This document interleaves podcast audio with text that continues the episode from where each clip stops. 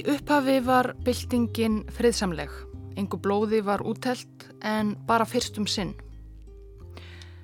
Í síðasta þætti þessarar serjum sögu Eþjópíu saði frá því hvernig óunæja með stjórnarhætti hins þölsetna Eþjópíu keisara Hæli Selassi magnaðist á upphásárum 8. áratugurins. Ónæja með sinnuleysi stjórnvalda gagvart vandamálum landsins, misskiptingu og hungursneið varðað endingu til þess að ósáttir ungir herfóringjar mynduðu ráð, derg, það er ráð á ethiopíska tungumálinu amharísku, með það markmiði að taka yfir stjórn landsins. Ráðið kom fyrst saman sumarið 1974. Smátt og smátt letu forsvarsmenn þess handtaka andstæðinga sína, andstæðinga byltingarinnar, aðra íhaldsamari herfóringja, embættis og stjórnmálamenn, aðalsmenn og konur. Einn af öðrum. Þannig liðu vikur og mánuðir. Í september 1974 var röðin kominn að sjálfum keisaranum. Hann var hneftur í stofufangelsi. Aldagamalt keisaraveldið hrundi. Þetta voru rótækara breytingar á stjórnskipan Eþjópíu en engu blóði hafði enn verið úttelt. En þegar á leið fór grimdin að verða meiri.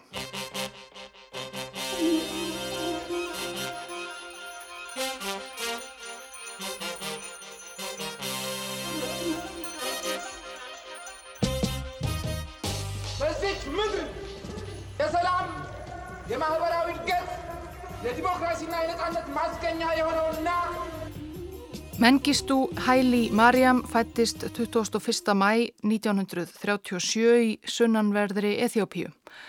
Mart er á huldum lífslaup hans. Við vitum að hann var ekki af merkilegu mættum. Móðir hans þjónustu kona hjá einhverjum aðalsmanninum.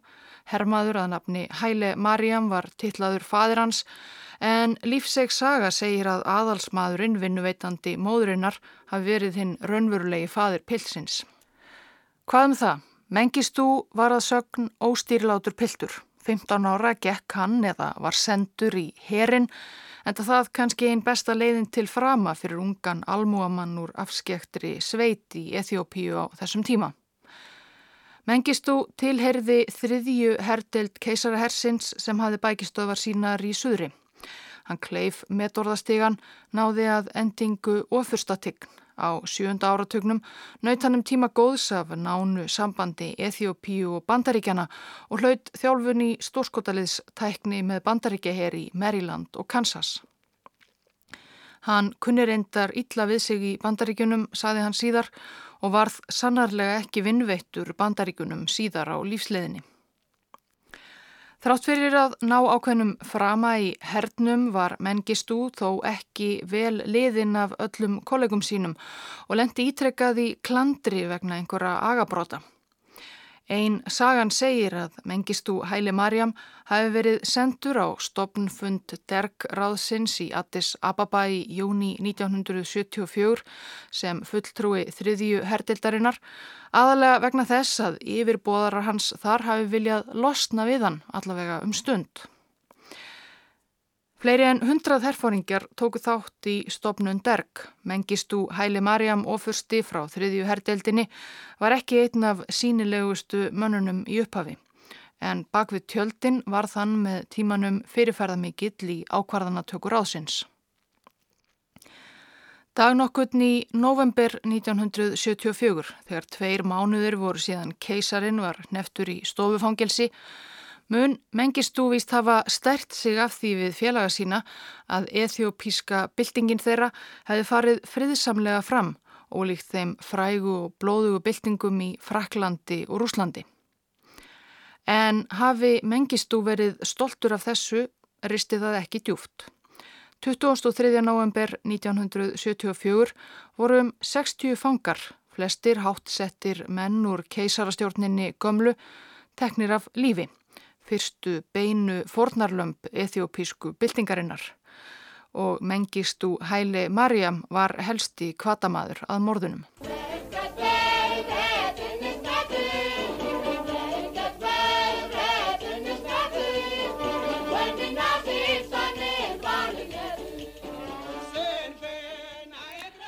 Byltingunni var nefnilega ekki lokið þó keisarin væri á bak og burt. Það var nóg eftir að gera.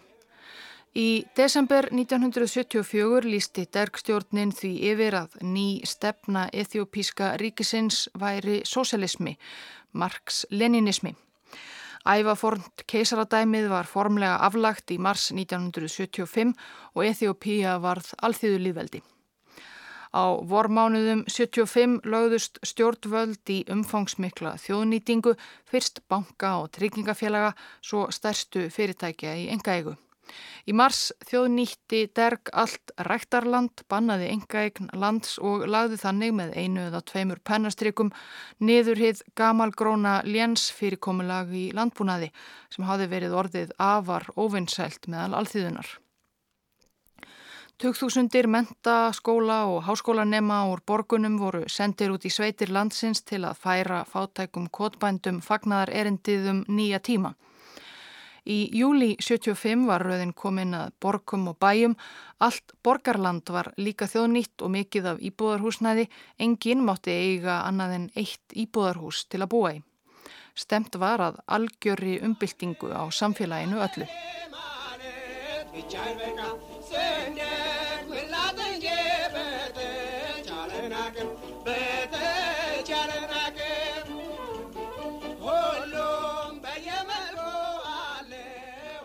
Derg ráðið hafði sprottið upp úr frjóum jarðvegi almennrar óanægu með keisarstjórnina.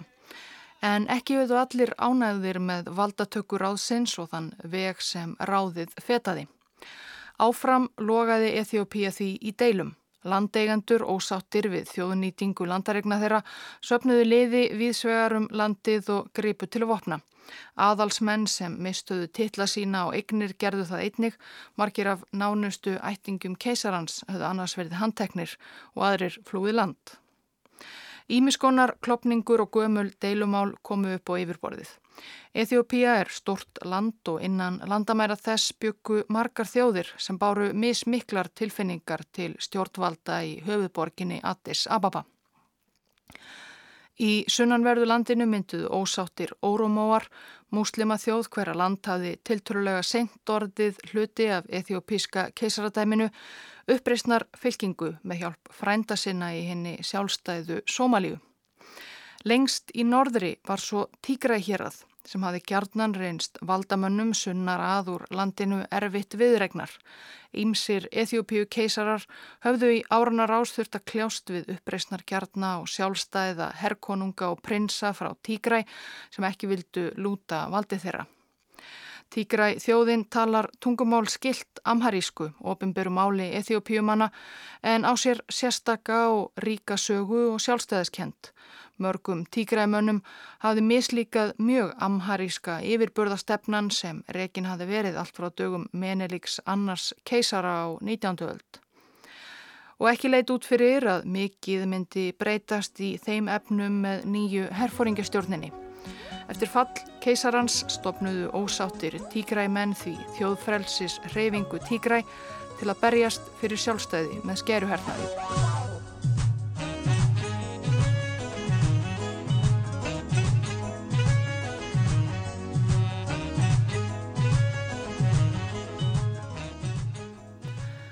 Og ekki langt frá Tígræ var einn vígvöllurinn enn. Uppreisnarstríð eritröfumanna í norð-austri gegn ethiopískum yfirráðum stóð þarna enn. Haði geisað meirum minna í 15 ár frá 1961. Saminuðu þjóðurnar höfðu ætlað sér að gera hérna gömlu ítölsku nýlendu við Rauðahafið Eritreu að eins konar sambandsríki Eþjópíu en Hæli Selassi keisari þá ákveðið að leggja Eritreu alveg undir sig. Afstæða innfætra þar var klófin, kristnir íbúar á hálendi Eritreu vildu margir tilheyra Eþjópíu áfram en eritreskir muslimar sem byggu við ströndina vildu og börðust ötulega fyrir sjálfstæði. Margir af eritresku sjálfstæðisinnunum aðhyldust marxisma og nutu stuðnings erlendra kommunistaríkja. Það að skoðanabræður þeirra kæmust til valda í Addis Ababa var þeim þó ekki að neinu gagni. Derg stjórnin vildi knésetja ofinnin og setti aukin kraft í hernaðin í Eritreu. Og sjálf höfðborgin Addis Ababa átti einnig eftir að breytast í vývöld. Dergmenn áttu nefnilega líka í útistöðum við aðra rótæklinga í borginni sem ekki voru endilega sáttir við að herin hefði nú tekið landið yfir. Uppaflega hafði mótmæla reyfingin gegn keisarastjórninni í byrjun árs 1974 verið leitt af verkaliðsfélögum og ungu mentafólki. Herfóringjar hafði svo tekið byltinguna og ríkisvaldið yfir. Í september 1976 reys ethiopíski byltingarflokkurinn skipaði rótækum verkamönnum, mentamönnum og öðrum borgurum upp gegn herfóringunum og krafðist þess að völdin erðu færð í hendur verkalýðsins. Einhverjir dergmenn og stuðningsmenn ráðsins voru eldir uppi og myrtir af útsendurum byltingarflokksins. Það var ekki einhugur um það innan ráðsins hvernig skildi tækla slíkt ósætti. Sumir herfóringjana vildur reyna að koma til móts við aðrar fylkingar eins og byltingarflokkin og læja öldur. En aðrir vildu ekki heyra á slíkt minnst, enga uppgjöf. Mengistú Hæli Marjam var á þeirri skoðun. Hefna skildi fyrir hvern myrtan stuðningsmann þeirra þúsundfalt. Mengistú var þarna orðin einn af valdamestu mönnum ráðsins en það var honum ekki nóg. 3. februar 1977 voru aðstu menn herrstjórnarinnar á fundi í gömlu höll Menelíks keisara. Allt í einu eins og upp úr þurru á miðjum fundinum reys Mengistú úr sæti sínu og gekk út úr fundarsalnum. Fleiri fundargestir, menn sem jafnan fyldu Mengistú að málum, fyldu á eftir honum. Sjö menn sátu eftir forviða. Þar á meðal tafar í Benti, stopn meðlimur dergráðsins sem gengt hafði ennbætti þjóðhöfðingja Eþjópíu frá því november 74. Því næst ruttust nokkrir menn úr lífvarðliði mengistú inn í fundarsalin vopnaðir vélbissum. Þeir ráku Tafari og hina mennina sex niður í kjallaraherbergi þar sem þeir skutuð á. Mengistú sjálfur tók þátt í morðunum og hann tók svo við af Tafari sem fórseti Eþjópíu.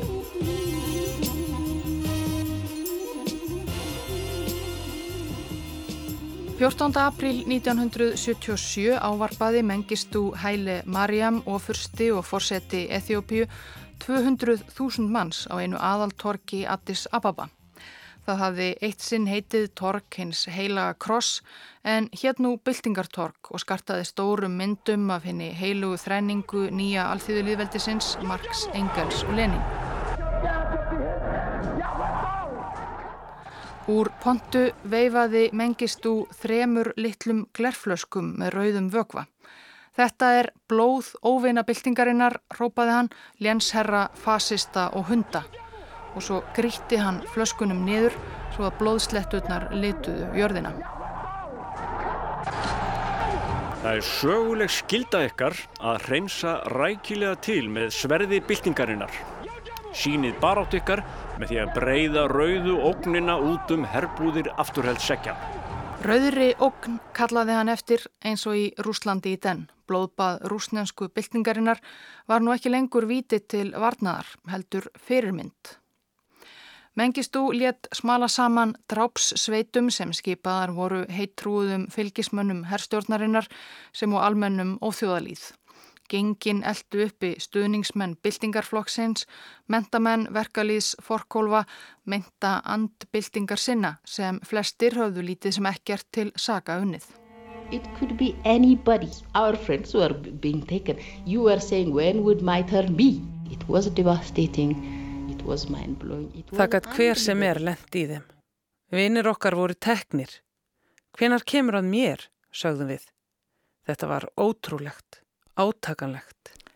Og Reginald Volde Georgis var 24 ára lögfræðinemi á tímum Rauðu ógnarinnar og félagi í etiópíska byltingarfloknum.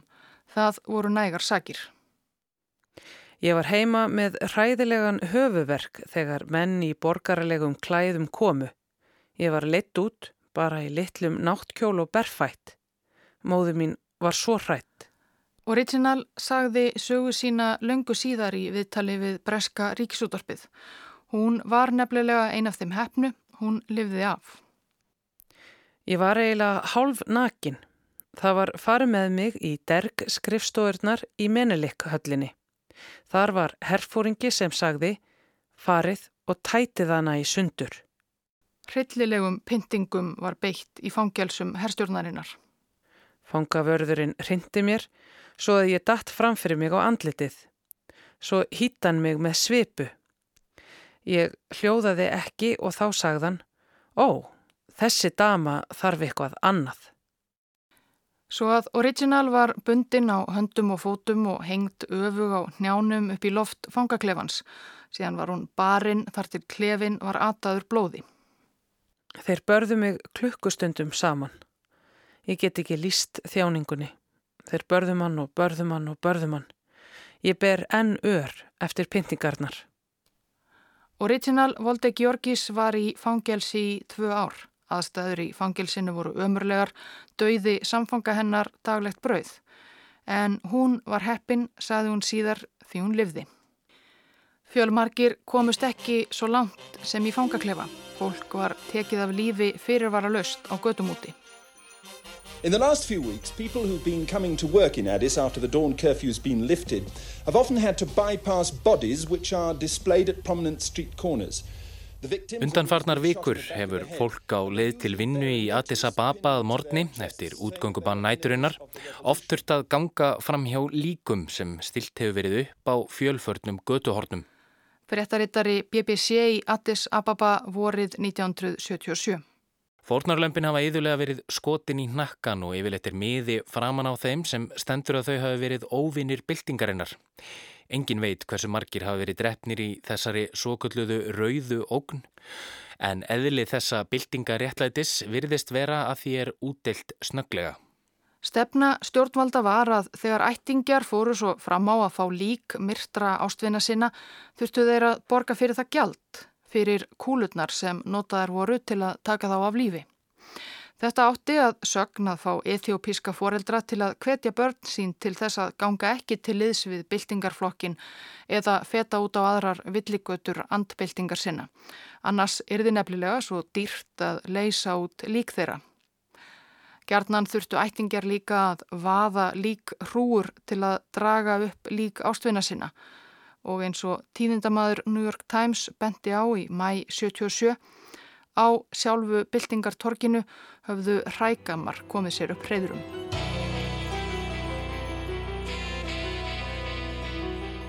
Rauðaógnin bar tilætlaðan og skjótan árangur. Strax um mitt ár 1977 var ethiopíski byltingarflokkurinn í raun útdöður. Þúsundir lágu í valnum, hversu margir nákvæmlega veit engin, töyir þúsunda höfðu verið fangelsaðir og eða pyntaðir. Í upphafi byltingarinnar höfðum við hafnað öllu sem hafði með fortíðina að gera. Við hættum að keira og að ganga að jakkaföldum. Bindi voru álitinn glæpsamleg. Allt sem virtist borgarlegt eða ríkmannlegt, allt sem líktaði af fáun og auðlegð var fyrirlitið sem hluti af gamla kerfinu.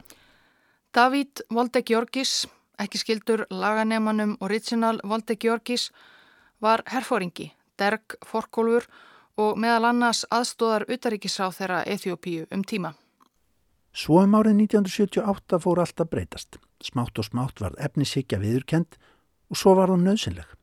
Hönnunar född frá fremstu klæðskerum Evrópu urðu enkennisbúningur embættismanna. Við fengum það besta af öllu. Bestu húsin, bestu bílana, besta viskið, besta kampavinnið og besta matinn. Það var algjör viðsnúningur á upphafs hugssjónum byltingarinnar. Davíd Volde Georgis ritaði æfiminningar síðar á lífsleiðinni Rauð Tár. Mengistu varð harneskulegri og rókafillri. En sanni Mengistu kom í ljós. Hefnigjarn, grimmur og valda sjúkur. Siðferði vafiðist ekki fyrir honum. Hann fór að hæðast opinskátt að Guði og Kristinni trú. Það var eitthvað ókvænlegt við hann.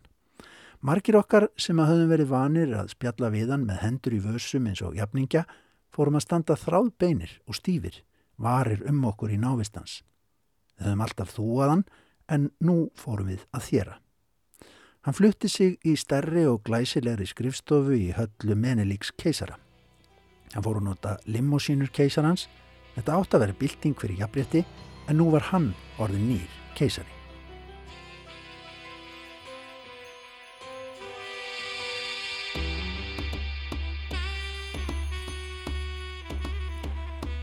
12. september 1984 átti að verða magnaðarsta sjónarspil sem Addis Ababa, já og Eþjópia öll hafði orðið vitni að. Það var tíu ára ammæli ethiopísku byltingarinnar, tíu ár frá því herrmenn á vegum dergráðsins náðu í gamla keisaran Hæli Salassi í höllu sína og skulluðu honum í stofufangilsið þar sem hann endaði æfina. Arftaki hans við stjórnvölinn í Menelik höllinni í Addis Ababa, mengistu Hæle Mariam Ofursti, sá sjálfur personulega um skipulagningu háttiðahaldana tíu árum síðar. Ekkert var til sparað og ekkert mátti fara úskeiðis. Á afmælinu ætlaði hann formlega að stopna nýjan flokk með stóru effi, verkamannaflokk Eþjópíu og tilkynna nýja stórhuga tíu ára áætlun í efnahagsmálum. Fyrir stopnfund flokksins letan byggja 4000 banna ráðstefnuhöll til að rúma tigna gesti frá helstu kommunistaflokkum heims. Verktakar frá bandalagsríkinu Norður Kóriu komu til að flíka upp á Addis Ababa að Pjóngjangskri fyrirmynd, byggja mikilfenglega sigurboga og skildi með byltingarslagorðum og stóru myndum af Marx, Engels og ethiopískum jafnoka þeirra mengistu ofursta. En rétt eins og þegar gamla keisarastjórnin helt ríkulega upp á áttræðisammæli Haile Selassie keisara 1972 og hunsaði um leið viðvaranir og vísbendingar um að það stemdi í uppskerubrest og hungursneið í hluta landsins, fór aðtikli mengist og ofursta valdamesta manns Eþjópíu helst í að rína í teikningar af sigurbógum og sætaskipan í háttíðar kvöldverðum vegna amælisins stóran hluta ársins 1984. Hann fekk viðvaranir um að annar staðar í landi hans stemdi í stórslis en hann hunsaði þær mánuðum saman. Ekkert mátti varpa skugga og hið dýrðulega byltingaramæli. Eins og kom fram í síðasta þætti eru hungursneiðir, sorglega tíðar í Eþjópíu höfðu undanfarnar aldir orðið á um tíu ára fresti að meðaltali. Lítið mátti út af bregða til að stefna afkomu fátækra íbúa í sveitum landsins í hættu. Mikil fólksfjölgun á ofanverðri 20. stöld með tilheyrandi ágangi á ræktarland varð ekki til þess að bæta þetta ástand. Nýheldur stefna dergstjórnarinnar í landbúnaðamálum. Eitt af fyrstu verkum herfóringjana hafði verið vissulega að aflétta því óréttláta léns fyrirkomulagi sem týðkast hafði í ethiopískum sveitum kynnslóðum saman. En hagur fátækra kottbónda vangaðist þó minna en margir byggust við. Derg laði mesta áherslu á að fæða sína menn, hinn fjölmenna ethiopíska herr, örglega og ódýrt. Stjórnvöld neittu þannig bændur til að selja afurðir sínar hræ ódýrt langt undir markasverði. Bladamæður Breska dagbladsins Times á ferðum sunnanverða Eþjópíu varð vittni að aðförum stjórnvalda gagvart kvotbændum um þetta leiti. Í smábænum Areka byðu menn ríkistjórnarinnar eftir bændunum á markaðnum. Uppskeran á teffi, helstu korntegund Eþjópíu, hefur ekki verið ríkuleg hér í söður Sidamo héræði. En það þýtti þó, heldur bændunir að þeir fengju gott verð fyrir það litla umfram korn sem þeir hafðu upp á að bjóða. En það kom næstum til óeirða í Areka þennan daginn. Embættismennir byðu þar til bændurnir voru komnir með allt teffið sitt á markaðinn og tilkynntu þá að þeir ætluði að kaupa allan forðan og verðið var fáránlega látt. Bændurnir mótmæltu, sumir fóru að taka saman kornið sitt, sögust ekki vilja selja á svo lágu verði. Þá komu fantar ríkistjórnarinnar og bændurnir vissu að þeir hefðu engan kost annan en að hlýða. Stjórnvöld settu bændum líka kornkvóta sem þeir urðu að uppfylla annars væri fautum stjórnvalda að mæta. Jáfnvel þótt bændur yrðu að ganga á eigin forða og jáfnvel selja nautgripi sína og búfjana til að kaupa korn af öðrum upp í kvótan. Tilraunir stjórnvalda til að koma upp samirkjubúum að sovjískri fyrirmynd voru klúður og hernaður viðsvegar um landið það er líka vond áhrif á landbúnaðaframlegslu. Stórsóknir stjórnvalda gegn þjóðfrelsis fylkingu Tígra í norðanverðu landinu sömarið 1980 og svo 1983 ollu miklu raski. Mikið af ræktarlandi eðilaðist, 2000 bænda mistu búfjanað og viðurværi og lendu á vergangi. David Voldeg-Jorgis, sterk ráþerann sem lísti umbreytingu byltingarinnar og kollega síns Mengistu Hæli Mariam hér fyrir þættinum, fór um þetta leiti fyrir opimberu batteríi sem bar heitið Hjálpar og Endurreysnarunemdin. Hún hafi verið sett á laginnar 1973 eftir að hungur sneið í kjörfarþurka í Voló héræði í norðri, grann héræði Tígræ, hafi orðið tugum þúsunda að bana. Akkurat áratug síðar í júli 1983 ferðaðist David Volde Georgis um Volóhérað og aftur hafði regn tímabilið brugðist. Héradið var þar að auki nú uppfyllt af bástötu fólki á vergangi eftir bardaga stjórnarhersins og þjóðfrælsisfylkingar Tígræ. David sá hvað í stemdi. Þegar hann snýri aftur til Addis Ababa fór hann umsveifalaust á fund Mengistú til að byggja um fyrir fyrir hjálparnemdina. Ég nálgæðist Mengistú varlega og reyndi mitt ídrast að reyta hann ekki til reyði. Ég saðan um að það sem ég hefði sjálfur séð með eigin augum benti til þess að ef næsta regntíma bilbreyðist væri hræðileg hungusneið í uppsiklingu. Ég útskýrði að við þyrtum meira fjö til að búa okkur undir hættu ástand. Hann hlustaði óþrifi fullur, saði mér svo að vera ekki svona óttaslegin og halda róminni. Þú verður að muna að þú ert í miðnemdini, saðan. Helsta skilda þín er að vinna að okkar pólitísku markmiðum. Ekki láta þessi smávægilu og mannlegu vandamál tröfla þig. Það var hungusneið í Eþjópiu áður en að við tókum við völdum. Það er leið náttúrunar að halda jafnvægi. Hann fór ekki nánar út í þetta en ég skildi hvað hann átti við. Láttu náttúrunar taka sinn toll, hafðu bara ekki hátt um það. Við þurfum að halda andliti gagvart alþjóðarsamfélaginu, svo láttu líta út fyrir það að við séum að gera eitthvað. Menn gístu klappaði mér á aukslina og gekk í burtu. Næsta regn tímabil brást líka, rétt eins og David hafi óttast og það næsta. Var alltaf drópi regns fjall á ethiopíska hálendið allan veturinn 83-84. Þegar David Volde Georgis fór í næstu vettfangsferð sína til Voló Hjeraðs í februar 1984 varðan vitni að löngum röðum sveltandi fólk sem grátt bað hann um matarbita eða skilding eitthvað sem gerði þeim kleift að tóra. Fólk sem hafði ekki borðað dögum saman, veikburða og sjúkt, gekk upp fjallið í endalösum þjáningar strömi. Þar sem við ógum fram hjá, sáum við styrk þeirra þverra sáum þau rinja niður og deyja fyrir framann okkur. Líf þeirra fjara út á veginum. Sum þeirra sterkari báru börn, sjúka og aldraða.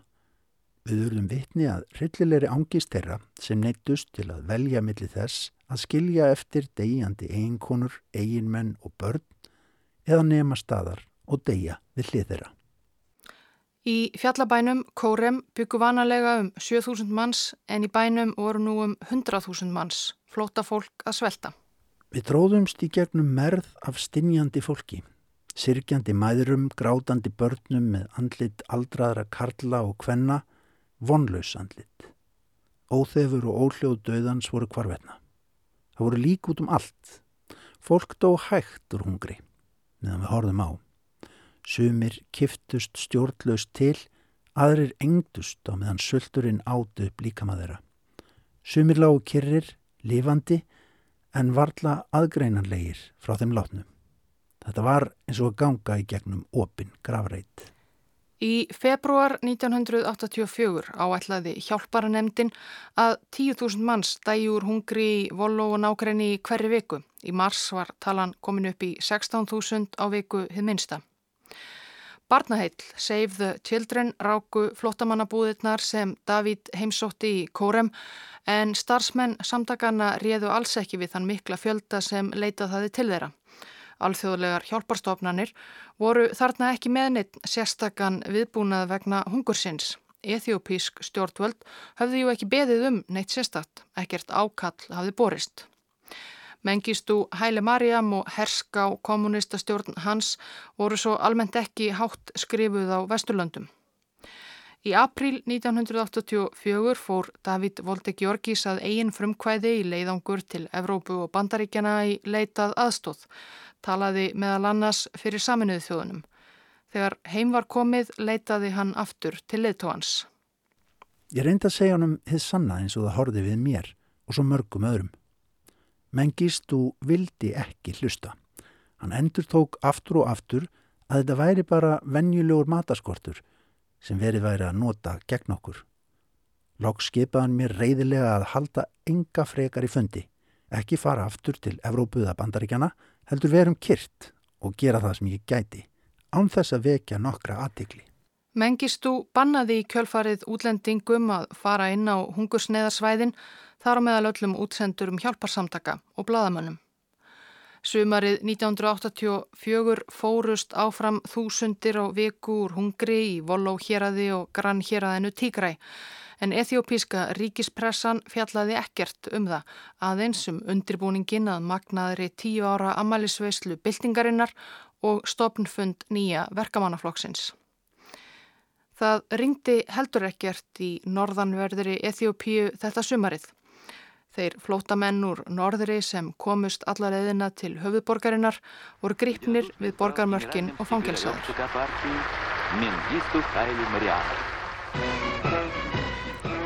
Vor í Eþjópíu.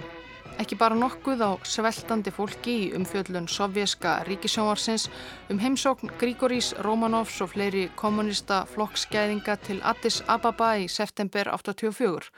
Eintómir skerruðir fánar, lenin stittur, grænir akrar og dráttarveilaversmiður. Í ræðu á stopnfundi flokksins Jós mengist úr sjálfur lofi yfir ethiopískan landbúnað. Sigur hefði unnist á hennum hötuðu lénsherrum, allt væri í blóma. Háttíðahöldin stóðu í fjóra daga, skrúðgöngur, hersýningar, fumleikar og veislur. Erlendir bladamenn voru velkomnir að fylgjast með herlegheitunum svo lengi sem þeir færu ekki norður í land. En þar hrundi fólk niður eins og flugur og það var ekki hægt að leina því endalust. Í oktober 1984 tókst kenískum myndatökumanni Muhammed Amin að komast eftir krókaleiðum í gegnum varnarmúra yfirvalda og til bæjarins Kórem í Volóhjeraði í fyllt frettamanns frá BBC Michael Buerk. Myndirnar sem Amin tók í Kórem, bæ sem var uppfullur sveltandi flótafólks, áttu eftir að verða einhverjar frægustu og afdrifaríkustu fréttamindir sögunar. BBC síndi afrakstur Amins og Buerks í kvöldfréttum 23. oktober 1984. Dawn, and as the sun breaks through the piercing chill of night on the plain outside Kórem, it lights up a biblical famine. Það er dögun og sem sólinn brýst í gegnum nýstandi nætur kuldan á sléttunni við Kórem varpar hún ljósi á hungursneið eins og úr biblíunni nú á 20. stöldinni. Þessi staður, segja þeir sem hér starfa, er það næsta sem aður kemst helvíti á jörðu. Þúsundir aðfram komina koma hingað í leitað hjálp. Margir finna hér aðeins dauða. Death is all around. A child or an adult dies every 20 minutes. Coram, an insignificant town, has become a place of grief. Dauðin er alltum likjandi. Barn eða fullorðin manneskja deyr á 20 mínútna fresti. Coram, ómerkilegur bær, er orðin að sorgarstað. Mörg hundruð aðrar sjónvarstöðvar hvarvetnaðum heiminn síndu frétt BBC í kjölfarið myndir Amins af larvaklættum mannskaranum í Kórem, öskrandi grindhorðum börnum og lík hrúum vöktu hrylling, neykslan og meðöngun hvarvetna.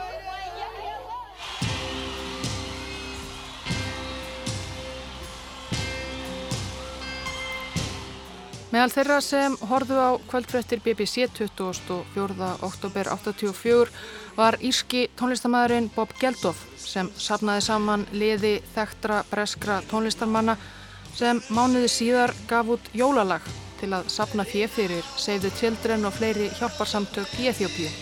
Lægið sló í gegn. Rétt eins og sambærilegt framtak landsliðs bandarískra poppara sem kom út í mars 1985.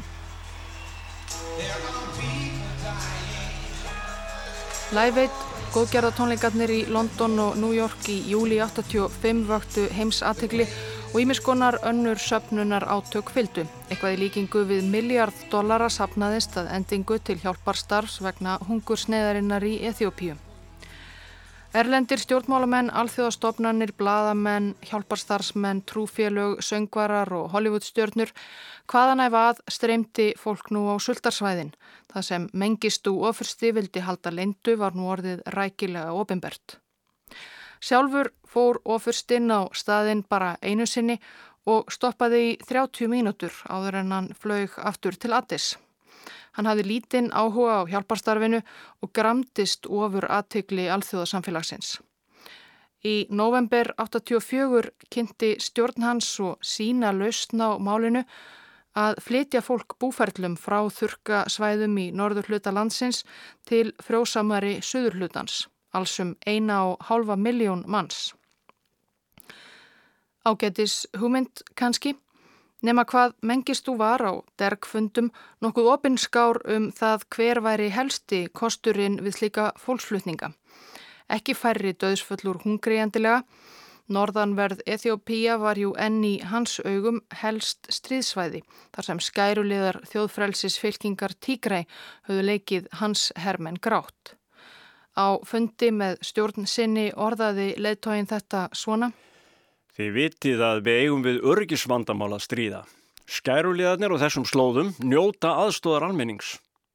Fólkið er eins og hafið og skærulegar eins og fiskar sem synda í því hafi. Ánhafsins eru engi fiskar. Við verðum að þurka upp hafið eða ef við getum ekki þurkað alveg upp, lækka sjáarmál þar til fiskarnir get ekki aðtarnað sig og auðvelt er að veiða þá. Þó svo að mengistú hafi ekki haft þetta svona opinskátt þegar útlendingar heyrðu til, tóku saminuði þjóðirnar og vestræn ríki þá ítla í áform hans um fólksflutninga, sérstaklega þegar ljóst var að hann vildi helst flytja búferlum ungt og vinnufært fólk en skilja þá eldstu og yngstu eftir til að svelta. Vinir mengistu í Moskvu réttu þó Olmir fram hjálparhönd eins og æfinlega. Hinn Marx-Leniníska Eþjópía var einn diggasti bandamaður Sovjetríkjana í kaldastriðinu í Afriku. Þeir sem ekki vildu láta flytja sig þvert yfir landið út í óvisuna voru þvingaðir af stað upp í sovjískar herflutningavélar og bíla. Í hamaganginum tróðust margir undir fólksmerðinni eða köpnuðu eða vestluðust upp úr hita og þorsta á langri leiðinni suður. Margir flúðu því frekar en að vera smalað upp í trukka. 2000 aðframkomina Eþjópíumanna leituðu skjóls handan landamærarna í Sútan. Alls voru 600.000 manns fluttir söður áður en fólksflutningunum lauk í áspyrjun 1986 og eitthvað um 50.000 letust á leðinni. Engin veit með vissu hversu margir letu lífið í hungursneiðinni í Eþjópíu 84 til 85. Mögulega eitthvað um miljón manns, kannski færri, kannski fleiri. Vissulega hafa sultar tímabil verið nokkuð tíð í Eþjópískri sögu en þetta var það versta í manna minnum og eins og mannreitinda samtökin Human Rights Watch orðuðu það var það mannana verk að hungursneiðin brast á fyrr en hún hefði annars gert og varð lengri og erfiðari. Neiðaraðstóð frá vestrænum ríkjum og hjálparsamtökum kom mörgum til bjargar vissulega en hjálpin barst ekki alltaf þangað sem neyðin var mest. Stjórnvöld í Addis Ababa komu í vekk fyrir að neyðaraðstóð bærist á mörg svæði þar sem skæruleðar þjóðfrelsis fylkingar tíkra í réðuríkjum. Og fyrir almenning á sultarsvæðinum tók svo ekkert mikið betra við því stríðið helt áfram.